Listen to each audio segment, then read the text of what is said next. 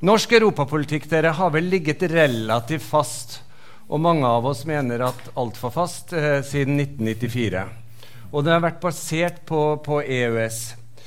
Nå står vi foran et valg hvor vi vet at innenfor begge sidene i norsk politikk for å si det på den måten, så er det partier som stiller spørsmålstegn ved EØS-samarbeidet, som er selve grunnpilaren nå i vårt forhold til Europa, bortsett fra Nato. Da, selvfølgelig. De naturlige spørsmålene er hvor langt skal Høyre slippe Frp når det gjelder skepsisen til eh, EØS, og hvor langt skal Senterpartiets innflytelse i en eventuell rød-grønn regjering gå? Og hva kommer brexit til å bety for lille Norge? Jeg vet at det er mange, spesielt Elvestuen, hater hver gang jeg sier 'lille Norge', så jeg skal ikke si 'lille Norge', jeg skal si 'Norge'. Men da begynner du, Trond Helleland. Hvor langt skal du slippe Frp til med EØS-skepsisen i disse brexit-tider? Frp har jo sagt at de vil uh, reforhandle deler av EØS-avtalen. Egentlig så vil jo Høyre det òg. Vi vil jo dele oss inn i EU. Så sånn sett så er jo vi enda mer kall det ekstreme. Men uh, det er lite realistisk. Så jeg tror eh, det, i det, iallfall de neste fire åra Dessuten sier vi at vi vil ha en folkeavstemning, og det er litt som tyder på et flertall for et EU-medlemskap nå, men det er Høyres mål. Mm. Eh, når det er sagt, så tror jeg at eh, det er et ganske bredt flertall heldigvis på Stortinget som ønsker å bevare EØS-avtalen. Det å ha tilgang til det europeiske markedet, full tilgang til det indre markedet, er helt avgjørende for norsk økonomi.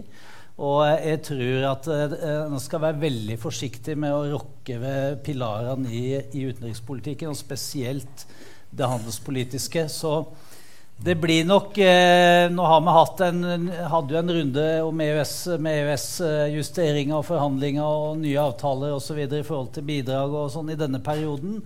Vi kommer til å holde en stø kurs i europapolitikken. Vi ønsker en aktiv europapolitikk. Det er derfor vi også har en europaminister. Men eh, noen store sprell fra, fra, noen partier i dette tror jeg ikke Stortinget vil godta. Til det så er det for brei enighet om at EØS-avtalen har tjent Norge godt. Ja, Mellom Arbeiderpartiet og Høyre, ja. Ja, og ja. KrF og ja, nettopp, Venstre. Nettopp. Du Kommer dere til å beholde en egen europaminister? Du, Det må du spørre Erna om. Det er ja. hun som sitter med den kabalen. Men at hun, lage, at hun skal legge en ny kabal den 11., det er jeg ganske sikker på. Akkurat. Det var interessant. Eh, Å fortsette som statsminister var poenget. Ja, ja, ja, jeg skjønner det. Så. Eh, Anniken, det, Anniken du har vært for lenge ute nå. Anniken Huitfeldt, hvor mye skal du slippe til uh, Gjelsvik? Altså, EØS-avtalen ligger fast, punktum. Skal okay. vi reforhandle den nå, så blir det ikke noe bedre deal for Norge.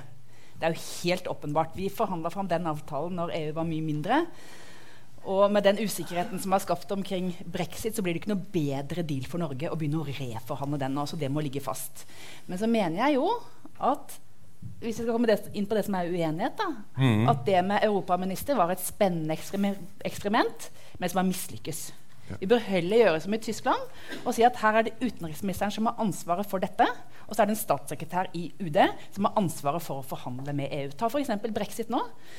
Viktige nasjonale interesser står på spill. Da er det utenriksministeren som i sitt bilaterale forhold til Storbritannia også bør håndtere Norges forhold til Storbritannia etter brexit.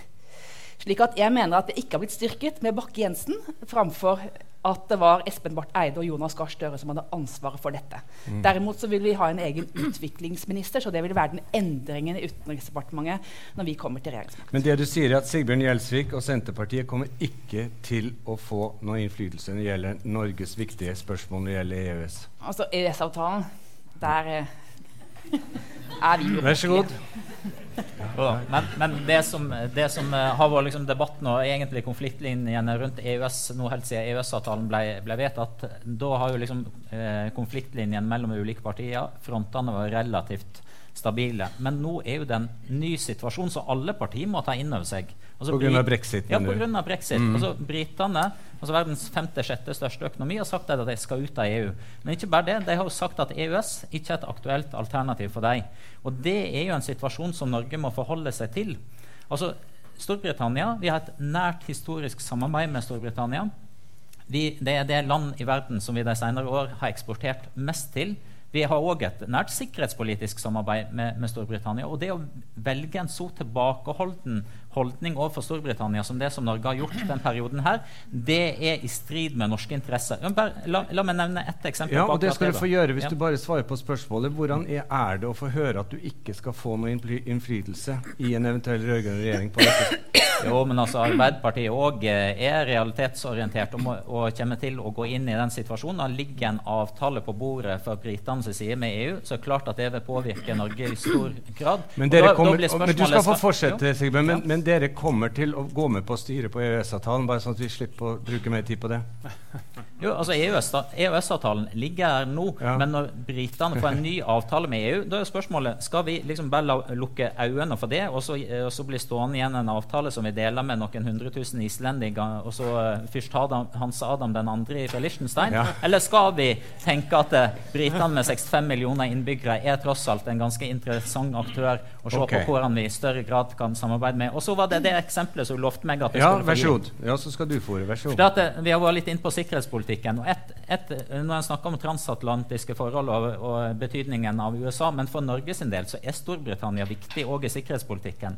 Boris Johnson var på statsbesøk i Australia i, i, sommer. Han sa at de ville ha mer fokus på både samarbeid med, med Australia og militært hvis det skulle være behov for det.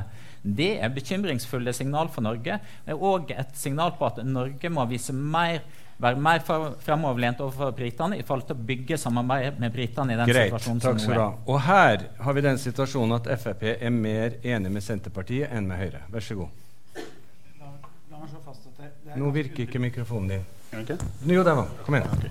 Nei, det, er, det, er, underlig at uh, vi registrerer at verden er i bevegelse. Enorm bevegelse. Og at uh, Høyre og uh, Arbeiderpartiet de er helt enige om at verden ikke er i bevegelse, og at norsk utenrikspolitikk ligger fast. Og Det er forstått en grei holdning å ha, men altså det er ikke noe veldig fremsynt og, eh, og, og klokt, syns jeg. Uh, og Fremskrittspartiet ønsker selvfølgelig handel over landegrensene. Og det var også handel over landegrensene før EU. Og det var i utgangspunktet et fredsprosjekt, og etterpå har vi fått Nato. Mm. Som er et fredsprosjekt å bevare disse landene. Så, så, så, la det være helt klart. Vi ønsker å reforhandle EØS-avtalen, bl.a. når det gjelder trygdeeksport, som vi mener er helt urimelig. Og så la oss tenke litt på konsekvensene av arbeidsinnvandring. For Da sier vi at arbeidskraften flyter over landegrensene, ja. Og vi har mange polakker, litauere og, og fra andre land i Europa som kommer og gjør en utmerket jobb i Norge fagkompetansen på disse områdene forsvinner. Mm. for norsk del. Og Den dagen økonomien i Polen og Litauen er så sterk at de vil reise tilbake igjen, så står vi uten fagkompetanse på de områdene som vi faktisk trenger fagkompetanse. bygging av infrastruktur. Den, de tankene i hodet må man faktisk ha. Og hvis du ikke har dem, så får du ikke en ordentlig debatt. Og så sier de skal vi legge oss flat for Høyre. Så lenge Arbeiderpartiet og Høyre er enige, så kan vi legge oss flat som vi hele tiden. Men eh, Nå skal Ola Elvestuen få ordet, men bare veldig kjapt, Trond og du kan svare på vegne av Arbeiderpartiet også. det gjør ikke han. Nei da. Men, men, hvordan er det å bli beskyldt for å være helt stille, ikke bevege dere, ikke altså, tenke nytt? Jeg tror vel at hvis en ser på partiprogrammet og ser på handling, så har Høyre alltid vært tilhenger av en aktiv europapolitikk. Det er derfor vi har en egen europaminister. Det er derfor vi nå har et enormt kartleggingsarbeid for å følge med på hva som skjer i forhandlinger mellom EU og Storbritannia. Norge, altså Norges viktigste handelspartner på mange områder, tjenestesamarbeid, mm. eh, andre ting, er Storbritannia. Så det er klart vi skal ha avtale med britene. Okay. Om det da blir det samme som EU har, eller om vi har en egen bilateral avtale, da. det er helt klart. Men jeg bare sier i forhold til eksempelet med Australia, kan jeg si det, for jeg var på på landsmøtet i Konservativt parti i England to år før brexit. Eller to, tre år, og det var William Hague som var utenriksminister. Ja. Og salen løfta seg når han sa følgende at vi må bli kvitt EU. And we have to restore the commonwealth. Okay. Da var det superjubel ja. i salen. Det er stort sett snakk, altså. Ja. Det er i hvert fall ikke fremtidsrettet. Olav Elvestuen, vær så god. Ola, selvfølgelig. Brexit, Brexit er, jo, er, jo, bare trist. og første ja. viktigste konsekvensen av det er jo at Storbritannias innflytelse i verden smelter jo vekk. Og Svaret på det fra norsk side er jo, at det er jo ikke at vi skal ha mindre europeisk samarbeid, det er jo at vi skal ha mer europeisk samarbeid. Mm. Er det noe tid hvor også EØS-avtalen må ligge fast, så er det jo nå. Det er jo nå du trenger et sterkere Europa som må ta en større plass i verden fordi USA trekker seg tilbake. Det, gjorde, det starta under Obama. Det er jo ikke bare, ikke bare, Trump som gjør det. Og du har bare et, et, Kina som breier seg, og et aggressivt Russland. Da trenger du et sterkere Europa. Mm. Men så har jeg lyst til igjen, for det er jo praktisk politikk i dette her. For når den praktiske politikken kommer Men du er klar, vi, du er EU-tilhenger? lenger? jeg har stemt ja i 94 og kommer til å gjøre det igjen.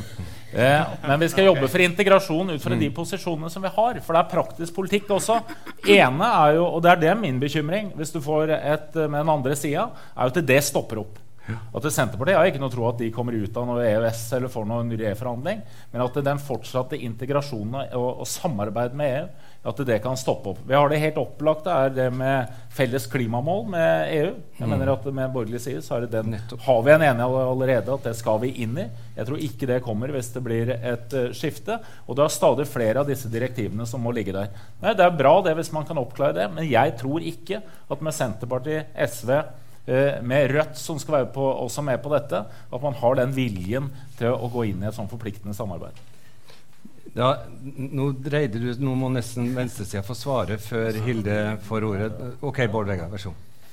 Altså, jeg nei, Kristian Tybring-Gjedde egentlig sa noe ganske bra i sted om konsensusen.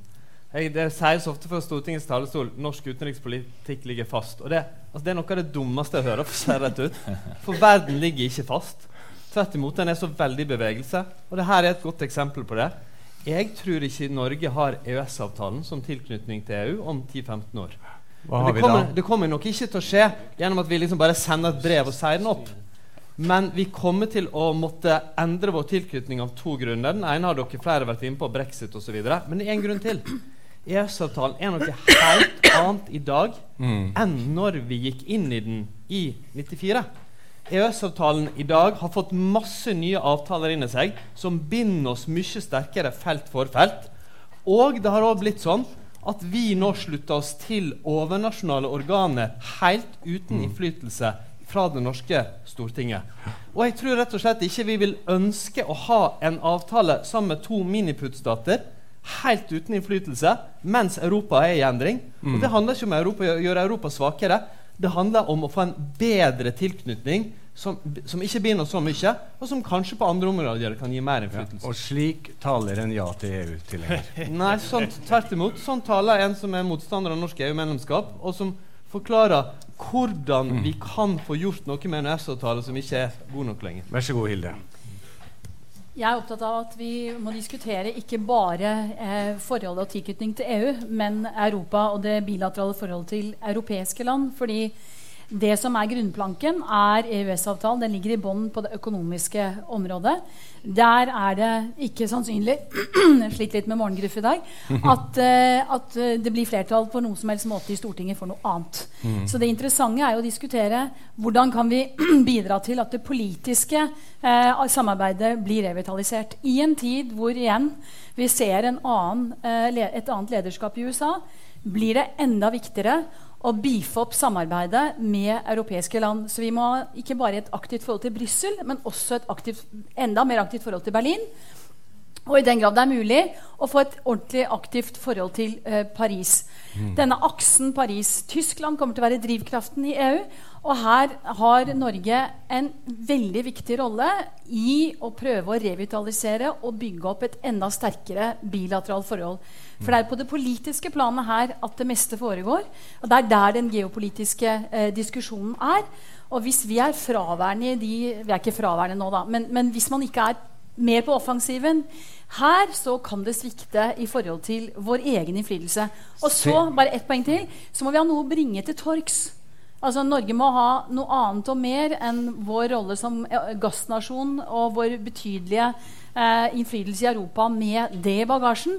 Og det blir en veldig viktig utfordring for en ny utenriksminister. Hva kan vi ha i bagasjen som gjør oss relevant i Berlin, relevant i Brussel, utover dette? Er du sikker på at det blir ny utenriksminister? Kan det bli den samme? Det kan bli ja, en ny, okay. det kan bli hva som helst.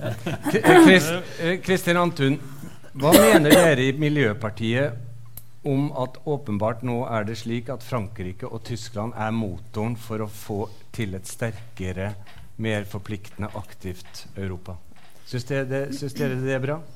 Altså, vi ser jo at et tett og, og, forpliktende europeisk samarbeid er helt nødvendig for at vi skal få løst de store uh, utfordringene som vi står overfor. Det gjelder både klimakrisen, uh, tap av biologisk mangfold, flyktningkrise, uh, terrorisme, økonomisk ulikhet, kapitalflukt til skatteparadiser. Mm -hmm. Vi mhm. trenger et sterkt europeisk forpliktende samarbeid, og det må vi være en del av. Vi ønsker å fortsette innenfor den, eh, det, den tilknytninga vi har nå. Vi mener at vi har et ansvar for å bidra til å styrke internasjonalt samarbeid og internasjonale okay. institusjoner.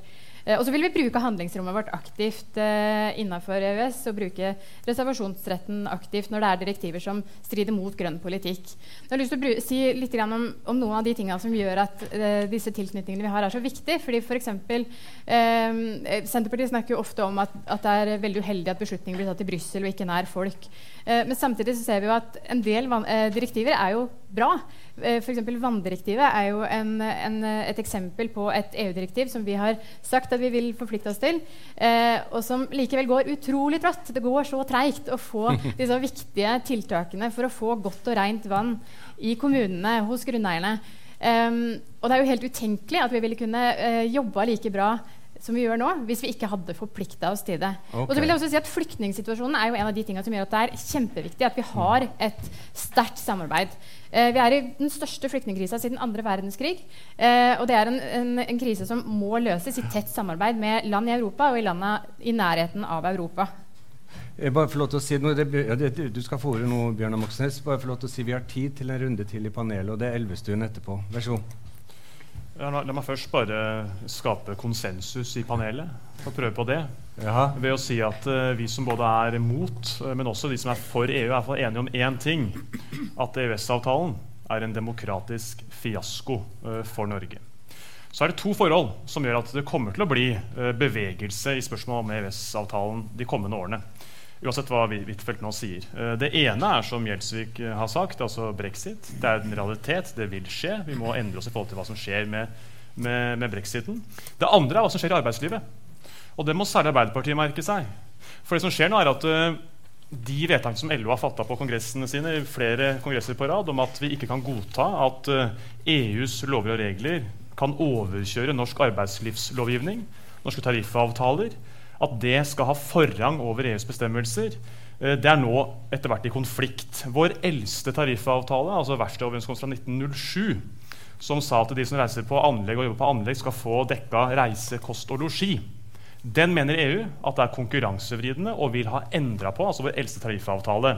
Så nå griper altså EU direkte inn i vårt arbeidsliv. Gjennom det skaper EØS. stor motstand ja. i ikke minst i fagbevegelsen. Og jeg er helt sikker på, jeg er helt sikker på at Arbeiderpartiet uh, ved å tviholde på EØS-avtalen vil få et stort problem de kommende årene hvis ikke de nå sørger for at vi overordner Rødts norsk alternativ.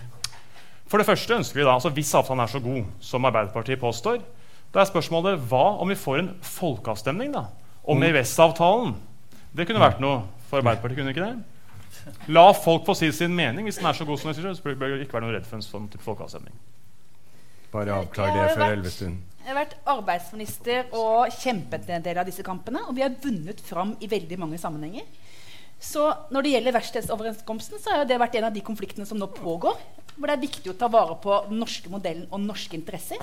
Men på en del områder så har vi jo sett at EUs regelverk også har bidratt til å skape større trygghet i arbeidslivet. F.eks. når det gjelder midlertidige ansettelser. Så det går litt begge veier. Men jeg bare vil si en ting. Det forsøkes å skape et bilde her av at vi liksom skal være så uenige på rød-grønn side at nå blir det liksom den glade vanvidd. Mm. Altså, hør på Christian Tybring-Gjedde. I sikkerhetspolitikken, i EØS-politikken, det er ikke bare dobbeltkommunikasjon, det er trippelkommunikasjon. Så noen SV-ere på plenen. Det var jo peanuts i forhold til det spriket som er på sentrale sikkerhetspolitiske områder i denne regjeringen. Kan du da passere ordet videre, men først skal du få det, Olav. Vær så god. ja, nei, jeg viser jo at Disse fire årene så har man vist at man håndterer den uh, situasjonen. Og du har jo om det, det er, Gjør ikke det? Selvfølgelig. Det er sånn, har jo, du har jo en stabilitet både i utenrikspolitikken og du har jo også i den praktiske politikken overfor EU. Det er klart at EØS-avtalen Du vil finne regelverk der som det er uh, uenig i, altså som skjer i EU. Selvfølgelig. Det er en sammenslutning av liksom 28 demokratiske land. Det vil det være. Men alternativet for Norge er EØS-avtalen eller å gå enda tettere inn i mm. integrasjonen. Det, noe, det, kan ikke være noen annen vei å gå i forhold til, i forhold til det. Og så er det jo på hva er våre hovedutfordringer. Én er klima- og miljøpolitikken. Opplagt at vi trenger et sterkere samarbeid med EU. Eh, annet er hvordan håndterer vi situasjonen i Midtøsten, i Vest- og Nord-Afrika. Flyktningsituasjonen. Helt opplagt at du må være innenfor et Schengen-samarbeid. Det er innenfor vår interesse å være det. Det vil være helt meningsløst å dele dette opp at hvert enkelt land i Europa skal begynne å håndtere dette på nytt igjen. Internasjonal posisjonering økonomisk politikk, eh, handelspolitikk. Det er klart at Vi har en interesse av å ha et sterkt Europa. At det er vi som fortsatt lager regelverket, også internasjonalt, og ikke får en svekka kontinent hvor det er Kina, det er eh, et USA som trekker seg bak, men kanskje kjære Kina som begynner å, å, bestemme regelverket. Så det, i alle våre hovedinteresser så trenger vi å ha et sterkere eh, europeisk samarbeid, og det er den veien vi trenger å gå. Og da er jeg sikker på Trond Helleland, at alt det Ola Elvestuen sa nå, er du helt enig i? Ja. Eh, ja, han sa mye, men han sa mye bra. Og eh, jeg tror den eh, aksen også Berlin-Paris som har blitt ja. dratt opp her, det er jo en, det er litt sånn EU back to basics. Eh, når eh, britene forlater oss. Men jeg har bare lyst til å si i forhold til brexit du skal, du skal få fortsette om ja. brexit, men bare ta det. Du, du, er vel veldig glad for at Tyskland og Frankrike nå gjør den jobben de gjør? Ja, jeg, altså, jeg er veldig glad for at uh, Merkel vil bli gjenvalgt. Og jeg tror Macron uh, var et uh, bedre valg for Frankrike enn mye annet. Så, så jeg har tro på at en får revitalisert EU-samarbeidet. Det er jo stor strekk i laget i EU òg, når en skjer mm. på de ulike landene der. Og, så, så, det at det er stor strekk i norsk politikk, men konsensusen, midten, vil jo beholde EØS-avtalen. Jeg hadde lyst til å si det at det høres ut som man ikke gjør noen ting i forhold til brexit. Jo, mm. vi gjør det. Vi har satt ned såkalt uh, task force. Uh, som uh, Atle Leikvoll, tidligere EU-ambassadørleder. Vi har uh, referansegrupper i hvert eneste departement som jobber inn mot EU og EØS. Så den dagen Storbritannias forhold til EU er avklart, da kan jo Norge begynne å finne ut hva er vår posisjon, og vi skal være godt forberedt på det. Mm. Veldig godt. Ja, du kritiseres her for å Ja, noen SV-ere på plenen er bare peanuts. Ja. Altså, jeg, jeg håper dere legger la merke til at Fremskrittspartiet er for EØS-avtalen. Vi snakket om å reforhandle EØS-avtalen, som vi har vedtatt på vårt landsmøte. Det er, og det er klart at uh, Fremskrittspartiet kan gjerne være tenketanken i regjering, og at, uh, at de andre sier at uh, alt ligger fast. Men det er vi. Vi spiller faktisk inn noen tanker også som kanskje også Børge Brende merker seg. Og det tror jeg faktisk er viktig. At ikke når bare alle tenker likt, så er det bare én som har tenkt. Jeg tror faktisk at det er ganske viktig. Og nå til Det aller viktigste som, ja. som, skjer i Europa i dag, som krever et europeisk samarbeid Man skal ikke Schengen ligge fast. Schengen lekker jo som en sil. Eh, og, og, denne migrasjonsstrømmen, når du ser verdens befolkning gå fra 7 til 10 milliarder til 2050 mm. Og alt er i fattige land. Det er klart Presset på Europa kommer til å bli enormt. Og Da må vi ha et system som gjør det mulig. Og da er jeg enig med Macron, selv om jeg sa det før Macron, at vi må ha hotspots i Libya som gjør altså asylbehandlingen i Afrika. Og så får de som beskyttelse. De trenger beskyttelse. Men det er altså ikke et europeisk ansvar, det er et globalt ansvar. Og hvor er FNs høykommissær for flyktninger? Jo, bare peke på hvor problemene er. De skal finne løsninger. Det er samme som Jan Egeland. Peke på alle problemene rundt omkring uten å komme med løsninger. Vær så snill, kom med løsninger. Da funker det. Ok, Og FN er, kommer i siste bolken. Men nå har du vært tålmodig, SV-er. Ja, det, altså det er bra det finnes noen tenketanker utafor regjeringa òg, hvis de er tenketanken i regjeringa. Men mitt poeng er jeg, jeg syns Trond Helland og Anniken Huitfeldt er på helt feil spor her. De Aha. er i den der, Og vi må passe på konsensusen, alle må være enige. Det er for lite uenighet om norsk utenrikspolitikk, ikke for mye. En grunn til at vi ikke hører om annet enn ja, Hittil er jo Sverige det mest sentrale landet i, i verden i norsk eh, valgkamp det er jo at det er for lite konflikt og uenighet. Og la meg bare ta to ja, eksempler om det, her. Ja, du skal få fortsette, men er det et mål jo, jo, men det, det, er, det, er, mer uenighet Det er mer uenighet om utenrikspolitikken i USA, i Storbritannia, i Tyskland enn i Norge. Jeg var og hørte på Bjørn Tore Godal når han la fram Afghanistan-rapporten. Hans budskap var det var mer debatt mer kritikk i de hovedstedene enn i vår hovedstad. Og det var en av grunnene til at vi, gjorde, eh, at vi ikke klarte det godt nok. Og hør på det her. Alle partier er enige om at det er problemer med EØS-avtalen. Men, men, de største er likevel enige om at den må ligge bom fast.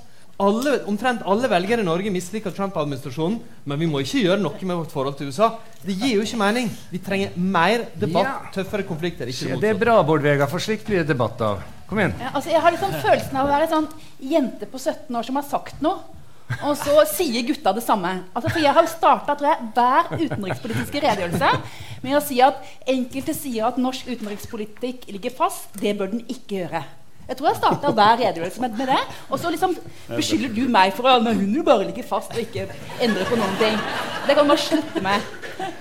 Og så mener jeg også at det er et poeng, det du sier, da. At det er viktig med diskusjon om norsk utenrikspolitikk. Og jeg og Espen Barth Eide har flere ganger i denne valgkampen forsøkt å diskutere utenrikspolitikk med landets utenriksminister. Han deltar ikke på noen debatter overhodet. Og det mener jeg er et demokratisk problem.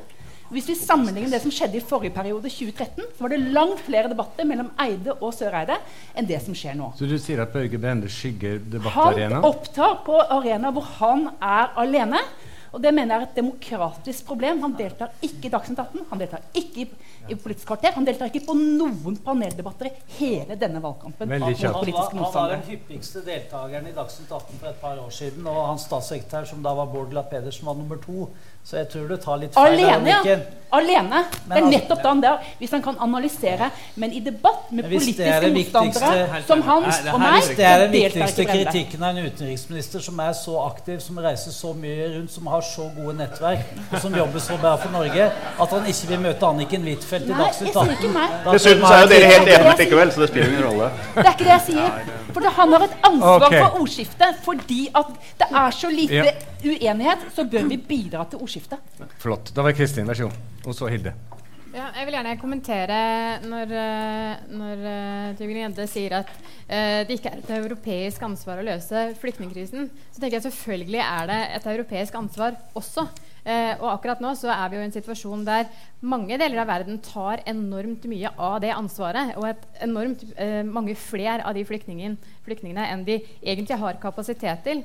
Eh, det er noen land i Europa også som tar en veldig stor del av den bøygen. Og så foregår det liksom et sånt svarteperspill hvor de andre europeiske landene på en måte bare prøver å få færrest mulig, eh, og skryter av at, eh, at vi, har, eh, så, altså, vi har jo nå så lavt antall asylomkomster som vi ikke har hatt på fryktelig mange år. I, midt i den største flyktningkrisa eh, på mange mange år. Og jeg tenker at Selvfølgelig er det et europeisk ansvar, og selvfølgelig er det en av grunnene til at det er kjempeviktig at vi finner felles europeiske løsninger som er mer rettferdige, og som eh, reflekterer bedre da, den ressurssituasjonen vi er i i Europa. Mm. Hilde. Og så skal tidligere leder i Nei til EU få avslutte denne bolken. Bare veldig kort. eh, Jeg er enig i det eh, MDG sier. Vi er er blant de partiene som har prøvd å løfte dette og sagt vi må ta med flere relokaliserte. Og det er et område man må samarbeide med EU om. Men jeg, jeg tok egentlig ordet for å si at jeg er enig med Bård Vegar Solhjell om én ting, og det er konsensus. Eh, eh, det at man ikke har en mer aktiv utenrikspolitisk debatt i Norge, er et stort problem.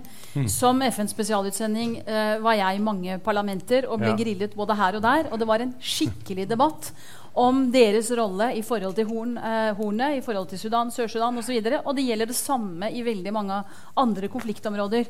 Det at vi ikke har den debatten, er et stort problem. Det betyr ikke at vi ikke kan ha konsensus om noen viktige hjørnesteiner. Men det at vi ikke har fått en skikkelig debatt om Afghanistan-kommisjonens innstilling, synes jeg er helt utrolig. Den er meget oppsiktsvekkende på mange punkter, og Stortinget må ta det inn over seg. Det samme nå. Vi håper at vi får en debatt om Libya, men vi har heller ikke klart å få enighet om at det blir eh, eh, ettergått i form av en kommisjon. Men når ikke innstillingene heller leder til en skikkelig diskusjon Vi må lære av de feilene vi gjør. Vi må lære det gode vi gjør. Her er det veldig mange lærdommer som vi kanskje ikke har eh, hvor vi kanskje ikke har lykkes så godt. Og det må vi trekke inn i politikkutformingen. Det er et stort problem. Det, Ja. men vi, vi må gjøre noe med det. Hører du, Ulf? Det er en stor oppgave for NUPI her. Nei, det er også en stor oppgave for Stortinget. Ja, ja, ja. Så det, det er det som er Det er utfordringen. politikerne. Det er det Det er politikerne som må diskutere utenrikspolitikk. Bare slapp er av, liksom Ok, eh, da var det Senterpartiet til slutt. Men, men for å bringe tilbake igjen til det den bolken uh, start, starta med, brexit og konsekvensene av det. altså Jeg syns det er litt jeg synes det er litt trist jeg, at en fra høyresida her er så tilbakeholden ifra, i forhold til britene og nærmest latterliggjør litt at ja, det er noen som snakker om, eh, om Commonwealth osv. Poenget er jo at det, flertallet i det britiske folk har gjort det samme valg som flertallet i det norske folk har gjort to ganger. Han har sagt at han ikke vil være med i EU, og så er han interessert i å bygge nytt samarbeid, nye allianser med det som utgangspunkt. Og da har en altså i den situasjonen hatt en statsminister i Norge, Erna Solberg, som for det første sier det at eh, en, en advarer britene mot å gå ut av EU. Dernest, når de går ut av EU, så sier en at nei, det er ikke sikkert dere får komme inn i EFTA, som er en organisasjon ikke bare har vært medlemmer før, men òg som de var med på å etablere sammen med, med Norge. De skal definitivt ha et aktivt samarbeid med, med Europa, med europeiske land. Vi har over 70 avtaler med EU. EØS er bare én av dem. Vi skal selvsagt òg ha et aktivt eh, handelssamarbeid. Men, men altså, til, bare en siste kommentar til MDG. altså Den, den nærmest eh, liksom, lovprisa EØS-avtalen. altså EØS-avtalen er basert på fri flyt av varer, tjenester, kapital og arbeidskraft. Økt transport over landegrensene. Jeg syns det er litt uh, overraskende at MDG ikke problematiserer det mer. EU er ingen miljøorganisasjon. Okay. EØS er ingen miljøavtale. Vi trenger å bygge opp om FN, internasjonalt samarbeid. Og det kommer vi til nå. Takk skal du ha. Ja, det var det jeg ville bringe inn. Veldig bra. Takk for det.